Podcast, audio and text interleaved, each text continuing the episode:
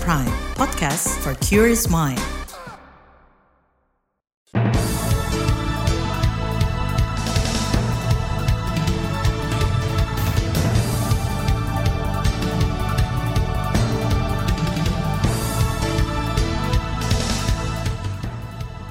Halo selamat pagi saudara, senang sekali bisa menjumpai Anda kembali melalui program Buletin Pagi edisi Rabu 27 Desember 2023. Saya Malika. Sejumlah informasi pilihan telah kami siapkan di antaranya puncak arus balik pemerintah mitigasi kemacetan. Usai debat Cawapres, elektabilitas Prabowo Gibran unggul. Korban jiwa insiden ledakan tungku smelter di Morowali bertambah. Inilah Buletin Pagi selengkapnya. Terbaru di Buletin Pagi. Saudara puncak pertama arus balik libur Natal 2023 diperkirakan terjadi pada Selasa kemarin dan hari ini. Berdasarkan hasil pantauan lalu lintas siang kemarin, jumlah kendaraan arus balik masih terpantau ramai lancar atau di bawah 3.500 kendaraan per jam. Atas kondisi itu, Korps Lalu Lintas Polri menunda pemberlakuan rekayasa lalu lintas. Berikut Kepala Korlantas Polri, Aan Suhanan ada 50 ribu masyarakat yang akan balik ke arah Jakarta dari timur. Namun sampai saat ini untuk arus lalu lintas dari Semarang kemudian dari Cirebon sendiri ini angkanya masih cukup landai artinya masih ada di batas-batas aman ya tidak perlu melakukan intervensi berupa rekayasa lalu lintas kontraflow maupun one way. Itu tadi Kepala Korlantas Polri Aan Suhanan. Juru bicara Polri dalam Operasi Lilin 2023 Ahmad Mustafa Kamal mengatakan rencana one way diberlakukan dari KM 188 Tol Cipali sampai dengan KM 72 Cikampek Utara. Kemudian dilanjutkan rekayasa lalu lintas kontrol menggunakan dua lajur dari KM 72 sampai dengan KM 47. Lalu dari KM 47 sampai KM 36 menggunakan rekayasa lalu lintas kontraflow. Eh, kemudian kendaraan dari Bandung yang akan menuju ke Cirebon melalui tol Cisundawu dan akan dilakukan uh, exit Cimalaka uh, ke tol Ma Maluli, cabang tol Palimana dan Lumbun uh, Cirebon. Itu yang keempat. Ahmad Mustafa menambahkan bagi kendaraan yang berada pada jalur one way arah balik bisa keluar melalui Cap Intercuts yaitu Sumber Jaya, Cisumendau, Kertajati, Subang, dan Cikopo. Saudara beberapa titik rawan macet saat arus balik di Jalan Tol Jakarta Cikampek, antara lain berada di gerbang Tol Cikampek utama KM66, pada pertemuan arus kendaraan dari Jalan Tol Cipularang dan Jalan Jakarta Cikampek, antrean masuk dan keluar rest area, serta pertemuan arus naik dan turunan Jalan Tol Layang MBZ. Pada pelaksanaan operasi Lilin 2023, sebanyak hampir 130 ribu personel ditugaskan untuk melayani masyarakat yang bepergian pada masa libur Natal dan Tahun Baru selama 12 hari sejak 22 Desember sampai 2 Januari 2024. Kementerian Perhubungan memperkirakan peningkatan gelombang kendaraan arus balik bakal lebih tinggi dibanding arus mudik. Ketua Harian Posko Pusat Angkutan Natal Kemenhub Putu Eka Cahyadi mengatakan pada arus balik kedua 1 hingga 2 Januari akan ada kenaikan signifikan. Pergerakan masyarakat itu merupakan gabungan dari masyarakat yang belum balik saat libur Natal serta masyarakat yang baru bepergian menjelang libur Tahun Baru 2024. Putu mencatat pergerakan kendaraan pribadi yang keluar dan masuk Jabodetabek pada hari H Natal didominasi kendaraan sepeda motor. Untuk sepeda motor terdapat total 579.415 unit sepeda motor yang keluar dan masuk Jabodetabek. Angka ini naik 80,91 persen dibandingkan periode yang sama tahun lalu yang mencapai 320.270 unit sepeda motor. Ketua Harian Posko Pusat Angkutan Natal Kemenhub Putu Eka Cahyadi menambahkan jumlah mobil pribadi yang masuk Jabodetabek melalui tol pada hari H Natal lebih banyak ketimbang mobil keluar wilayah itu melalui jalur tol. Sebelumnya Kemenhub memperkirakan 107 juta orang akan melakukan perjalanan saat Nataru, lebih dari separuhnya akan menggunakan kendaraan pribadi. Sementara itu Jasa Marga mengimbau pengguna jalan mengatur waktu perjalanan saat hendak kembali ke Jabodetabek guna menghindari puncak arus balik. Juru bicara Jasa Marga, Licia Oktaviana, dalam keterangan tertulis menyarankan agar masyarakat menghindari perjalanan pada pagi dan malam hari, sebab waktu tersebut banyak dipilih masyarakat untuk kembali ke ibu kota. Sementara itu, sebagian kalangan parlemen mendorong pemerintah pusat memperkuat kerjasama dengan daerah untuk memitigasi kemacetan. Anggota Komisi Perhubungan di DPR Mulyadi mengatakan kesiapan pemerintah pusat dan daerah merupakan kunci kelancaran pergerakan kendaraan saat libur akhir tahun. Kata kuncinya adalah koordinasi stakeholder yang saya kira sudah berjalan baik ya. Tinggal pelaksananya juga bagaimana membangun komunikasi dengan stakeholder di daerah. Saya sendiri ikut memantau, saya beberapa titik saya kunjungi di antaranya untuk opsi jalur alternatif puncak. Kemudian saya datang juga ke stasiun Tegal Luar Kereta Cepat. Saya datang juga ke terminal Lewi Panjang Bandung dan seterusnya. Sambil juga saya keliling ikut memantau. Dan ini juga untuk bagian evaluasi Anggota Komisi Perhubungan di DPR Mulyadi juga mengimbau masyarakat mematuhi rambu dan aturan yang disediakan oleh petugas guna terhindar dari penumpukan kendaraan. Pengamat transportasi menilai kemacetan saat libur Nataru tidak bisa dihindarkan lantaran masih belum optimalnya penyediaan angkutan umum. Pengamat transportasi dari Masyarakat Transportasi Indonesia Joko Setiowarno menyebut kendaraan pribadi masih dinilai lebih terjangkau walau beresiko macet. Dia mesti saya naik angkutan umum, biayanya berapa?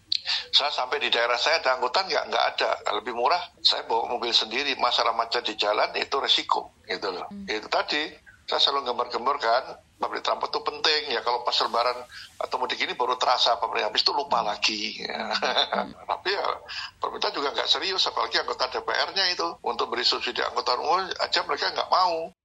Pengamat transportasi dari Masyarakat Transportasi Indonesia Joko Setiawarno mendorong pemerintah memperluas program bus mudik gratis hingga keluar Jawa. Menurutnya program ini akan efektif mengurangi kemacetan semasa libur panjang. Saudara terpidana bekas Gubernur Papua Lukas NMB meninggal dunia. Informasi selengkapnya usai jeda tetaplah di Buletin Pagi KBR. You're listening to KBR Pride, podcast for curious mind. Enjoy!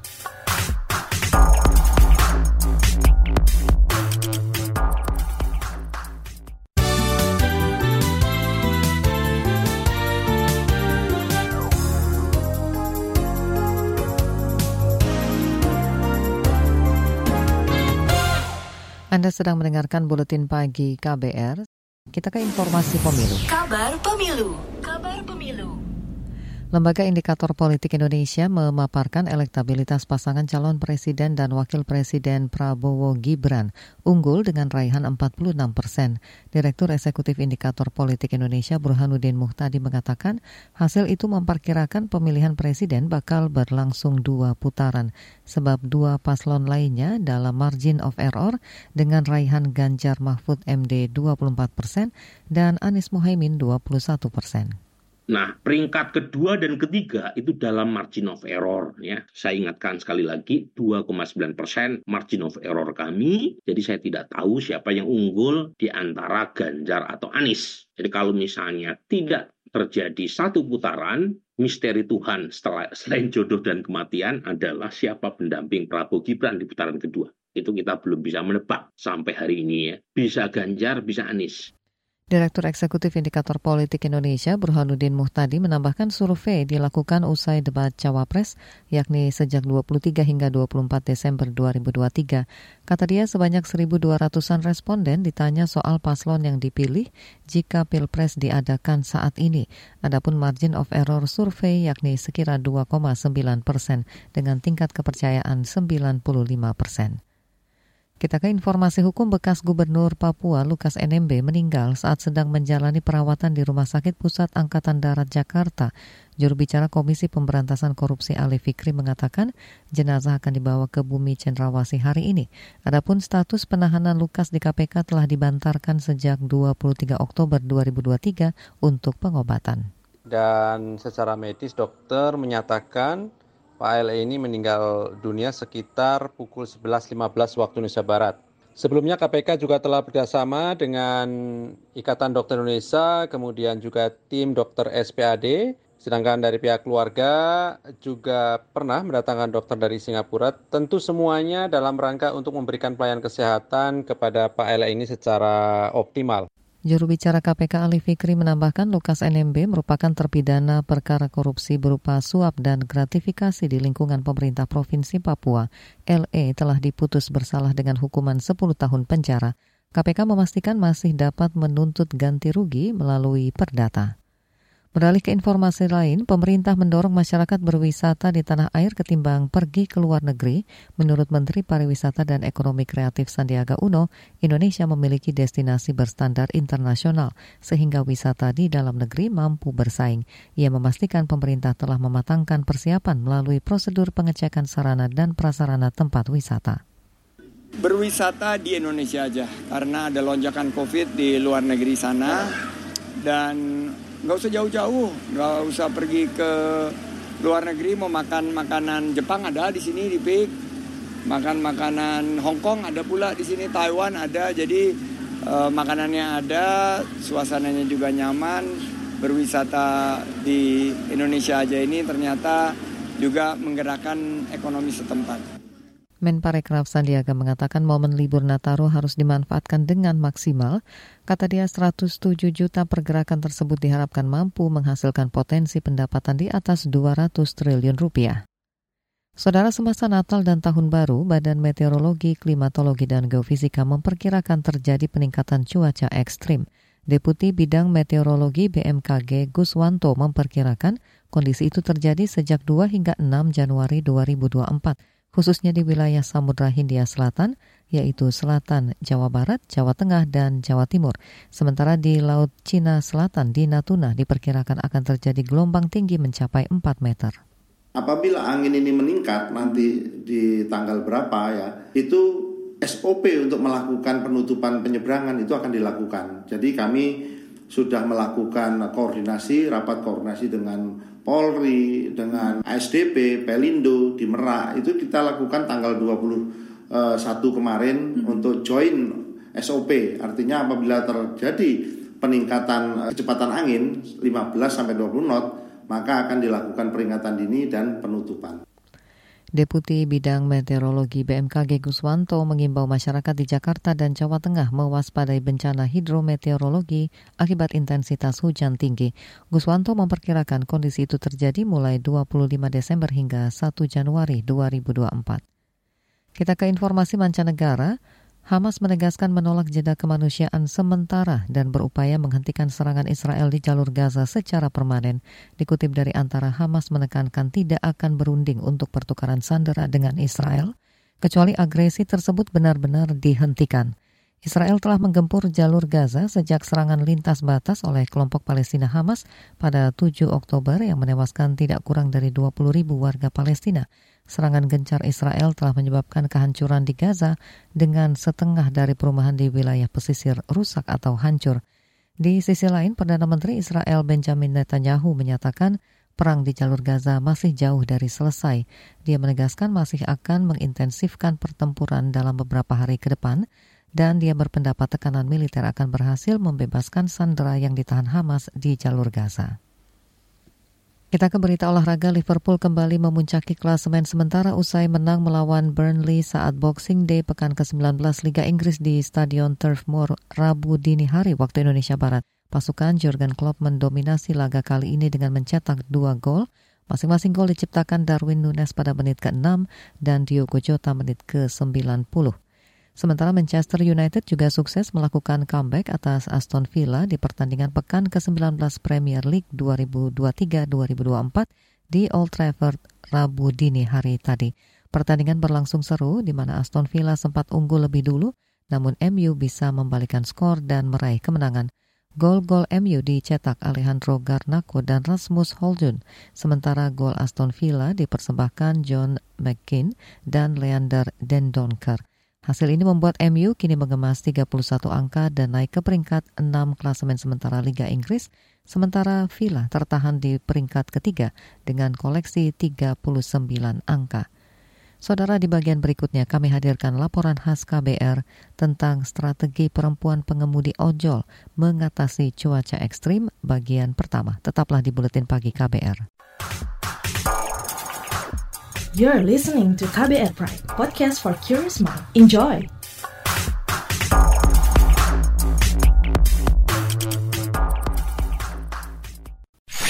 Commercial break. Commercial break.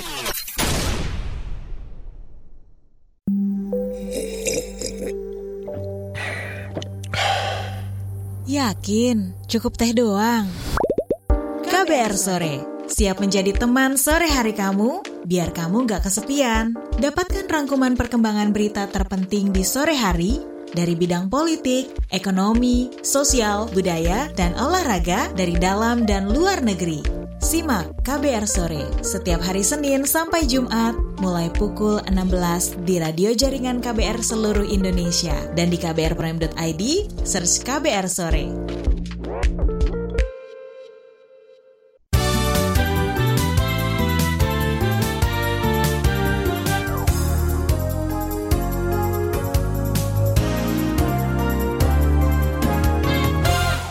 Anda masih bersama kami di Buletin Pagi KBR. Saudara kenaikan suhu udara memengaruhi produktivitas pekerja luar ruangan. Laporan panel antar pemerintah tentang perubahan iklim IPCC pada Februari 2022 menyebut produktivitas pekerja kemungkinan menurun hingga 40 persen. Di antara banyaknya pekerja luar ruang yang terdampak, tak terkecuali perempuan pengemudi ojek online. Kondisi cuaca ekstrim membuat pendapatan dan kesehatan mereka menurun. Mereka harus mengatur strategi sedemikian rupa agar bisa mencari nafkah untuk keluarga di tengah krisis iklim. Selengkapnya simak laporan khas KBR bagian pertama yang disusun Sindu Darmawan. Laporan ini hasil kerjasama dengan SIAJ didukung UNIC Indonesia. Suhu di kawasan Cempaka Mas, Jakarta Pusat siang itu cukup terik, di atas 30 derajat Celcius. Saat itu, Bunda Ros sedang berada di dalam ruangan sekitar 3 kali 5 meter. Di depan bangunan yang berada di pinggir jalan itu, terdapat beberapa bangku dan meja, serta dua sofa panjang berwarna coklat. Ya, ini adalah markas Sri Kandi Tim Gabungan Anti Begal atau TEKAP. Suparmini atau Karib disapa Bunda Ros adalah Kepala Divisi Sri Kandi TEKAP Indonesia. Di sini saya ngebantu ya, ngebantu para ojol dari tahun 2016 sampai sekarang saya berkoordinasi melalui wadah-wadah atau grup yang artinya para lady atau enggak yang ojol-ojol itu uh, butuh pertolongan untuk mengkondisikan. Serikan di Tekap adalah organisasi sayap gabungan Aksi Roda 2 Indonesia atau Garda. Sesuai namanya, ratusan anggota Serikandi Tekap adalah perempuan. Mereka ialah para perempuan pengemudi ojek online atau ojol. Menurut Bunda Ros, Serikandi Tekap adalah wadah untuk melindungi driver perempuan pengemudi ojol yang memiliki kerentanan selama menjalani profesi. Mereka juga melakukan berbagai kegiatan sosial termasuk menanam pohon. Makanya kita ngadakan sebagian kayak persatuan lady-lady begini. Kayak saya sebagai ketua juga ngebantu. Yang mana nih? Yang uh, driver lady yang dilecehkan atau apa. Uh, jadi kita minta tolong sama wilayah untuk ngebantu. Sering terjadi. Kini masalah yang mengancam para perempuan pengemudi ojol bukan hanya kekerasan seksual dan stigma melainkan juga cuaca ekstrim laporan panel antar pemerintah tentang perubahan iklim IPCC pada Februari 2022 menyebut produktivitas pekerja luar ruangan kemungkinan menurun hingga 40 persen karena cuaca ekstrim.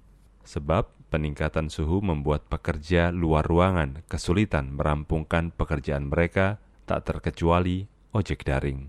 IPCC ialah panel para ahli multidisiplin ilmu yang ada di bawah Perserikatan Bangsa-Bangsa. Bunda Ros menjelaskan apa yang dialami para lady saat cuaca panas. Kayak kemarin berapa derajat Celcius itu kita panasnya luar biasa dan kita harus melakukan pekerjaan seperti itu. Keluh kesannya luar biasa di pinggir-pinggir jalan kayak ih panas banget gini itu gimana dong nih kalau kita nggak jalanin kita nggak bisa makan dong kita nggak bisa ngebul dapur artinya gitu. Jadi mereka jalanin. Ya saya lihat dari kulitnya yang tadinya agak bersih akhirnya hitam. Para perempuan pengemudi ojek daring bukannya tak tahu dampak cuaca panas terhadap kesehatan mereka, namun tak ada pilihan lain demi memenuhi ekonomi keluarga apalagi bagi perempuan tunggal dengan lima anak seperti Bunda Ros. Artinya kita harus tetap bekerja entah iklim panas, entah iklim uh, cuaca yang buruk sekalipun. lihatlah uh, di jalan-jalan banjir, uh, pas keadaan hujan lebat dan panas tinggi, uh, ojek online tetap tetap ada dan tetap dia meng, apa, memberikan yang terbaik buat customer. Perempuan 52 tahun ini lantas mengungkapkan strategi para lady untuk bisa tetap menjalankan profesi di tengah kondisi cuaca ekstrim, semisal dengan mengenakan masker dan sarung tangan. Artinya gini, kalau kamu mau melakukan perjalanan apa melakukan pekerjaan ini, kamu udah harus uh, menjaga apa yang uh, buat kamu nanti mendampak uh, efek buruk gitu. Jadi artinya ya mereka benar-benar melakukan buat diri dia sendiri keamanan. Bagaimanapun strateginya, menurut perempuan asli Jakarta ini, cuaca jadi salah satu faktor yang memengaruhi pendapatan ojek daring. Faktor lain adalah potongan dari aplikator. Sejauh ini ada yang memotong 10 sampai 20% persen per jasa pengiriman atau pengantaran. Karena itu, Bunda Ros senang ketika ada pelanggan memberi tips karena puas dengan jasa pengantaran barang atau makanan. Bisa sampai eh, penurunan bisa sampai 60 persen karena gini ya awal yang sumpamanya kita baik-baik saja eh, kita melakukan aktivitas dari pagi sampai sore itu kita bisa mencapai eh, dengan target kita 200 sampai 300 tetapi dengan cuaca buruk gitu kita bisa cuma sampai 80 ribu sampai 100 ribu. Kini, Bunda Ros pesimistis dengan masa depan sebagai pengemudi ojek online. Apa alasannya? Simak laporan berikutnya di bagian kedua. Saya, Sindu Darmawan. Saudara informasi dari berbagai daerah akan hadir usai jeda. Tetaplah bersama kami di Buletin Pagi KBR. You're listening to KBR Pride, podcast for curious mind. Enjoy!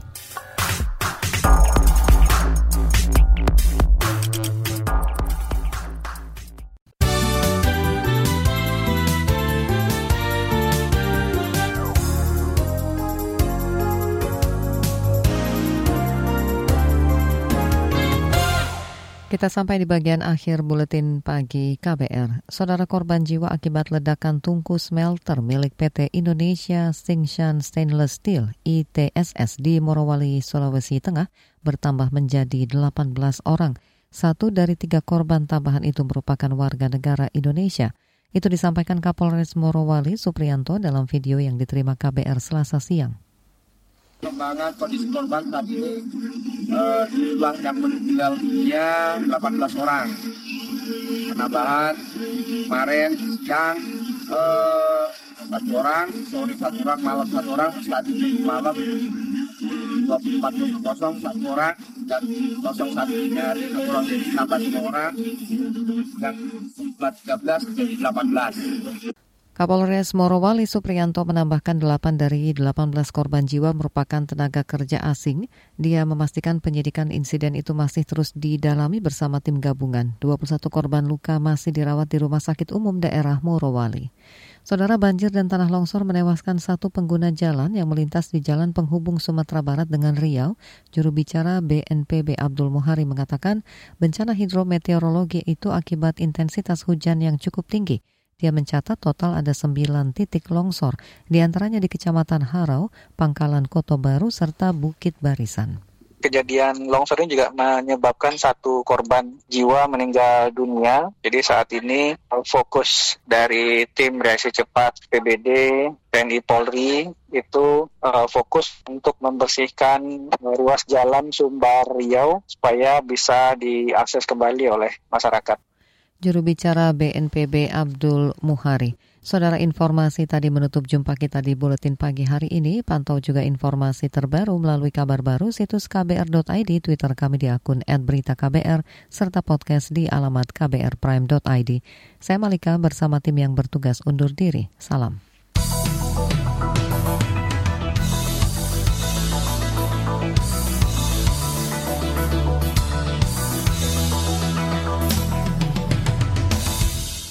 KBR Prime, cara asik mendengar berita. KBR Prime, podcast for curious mind.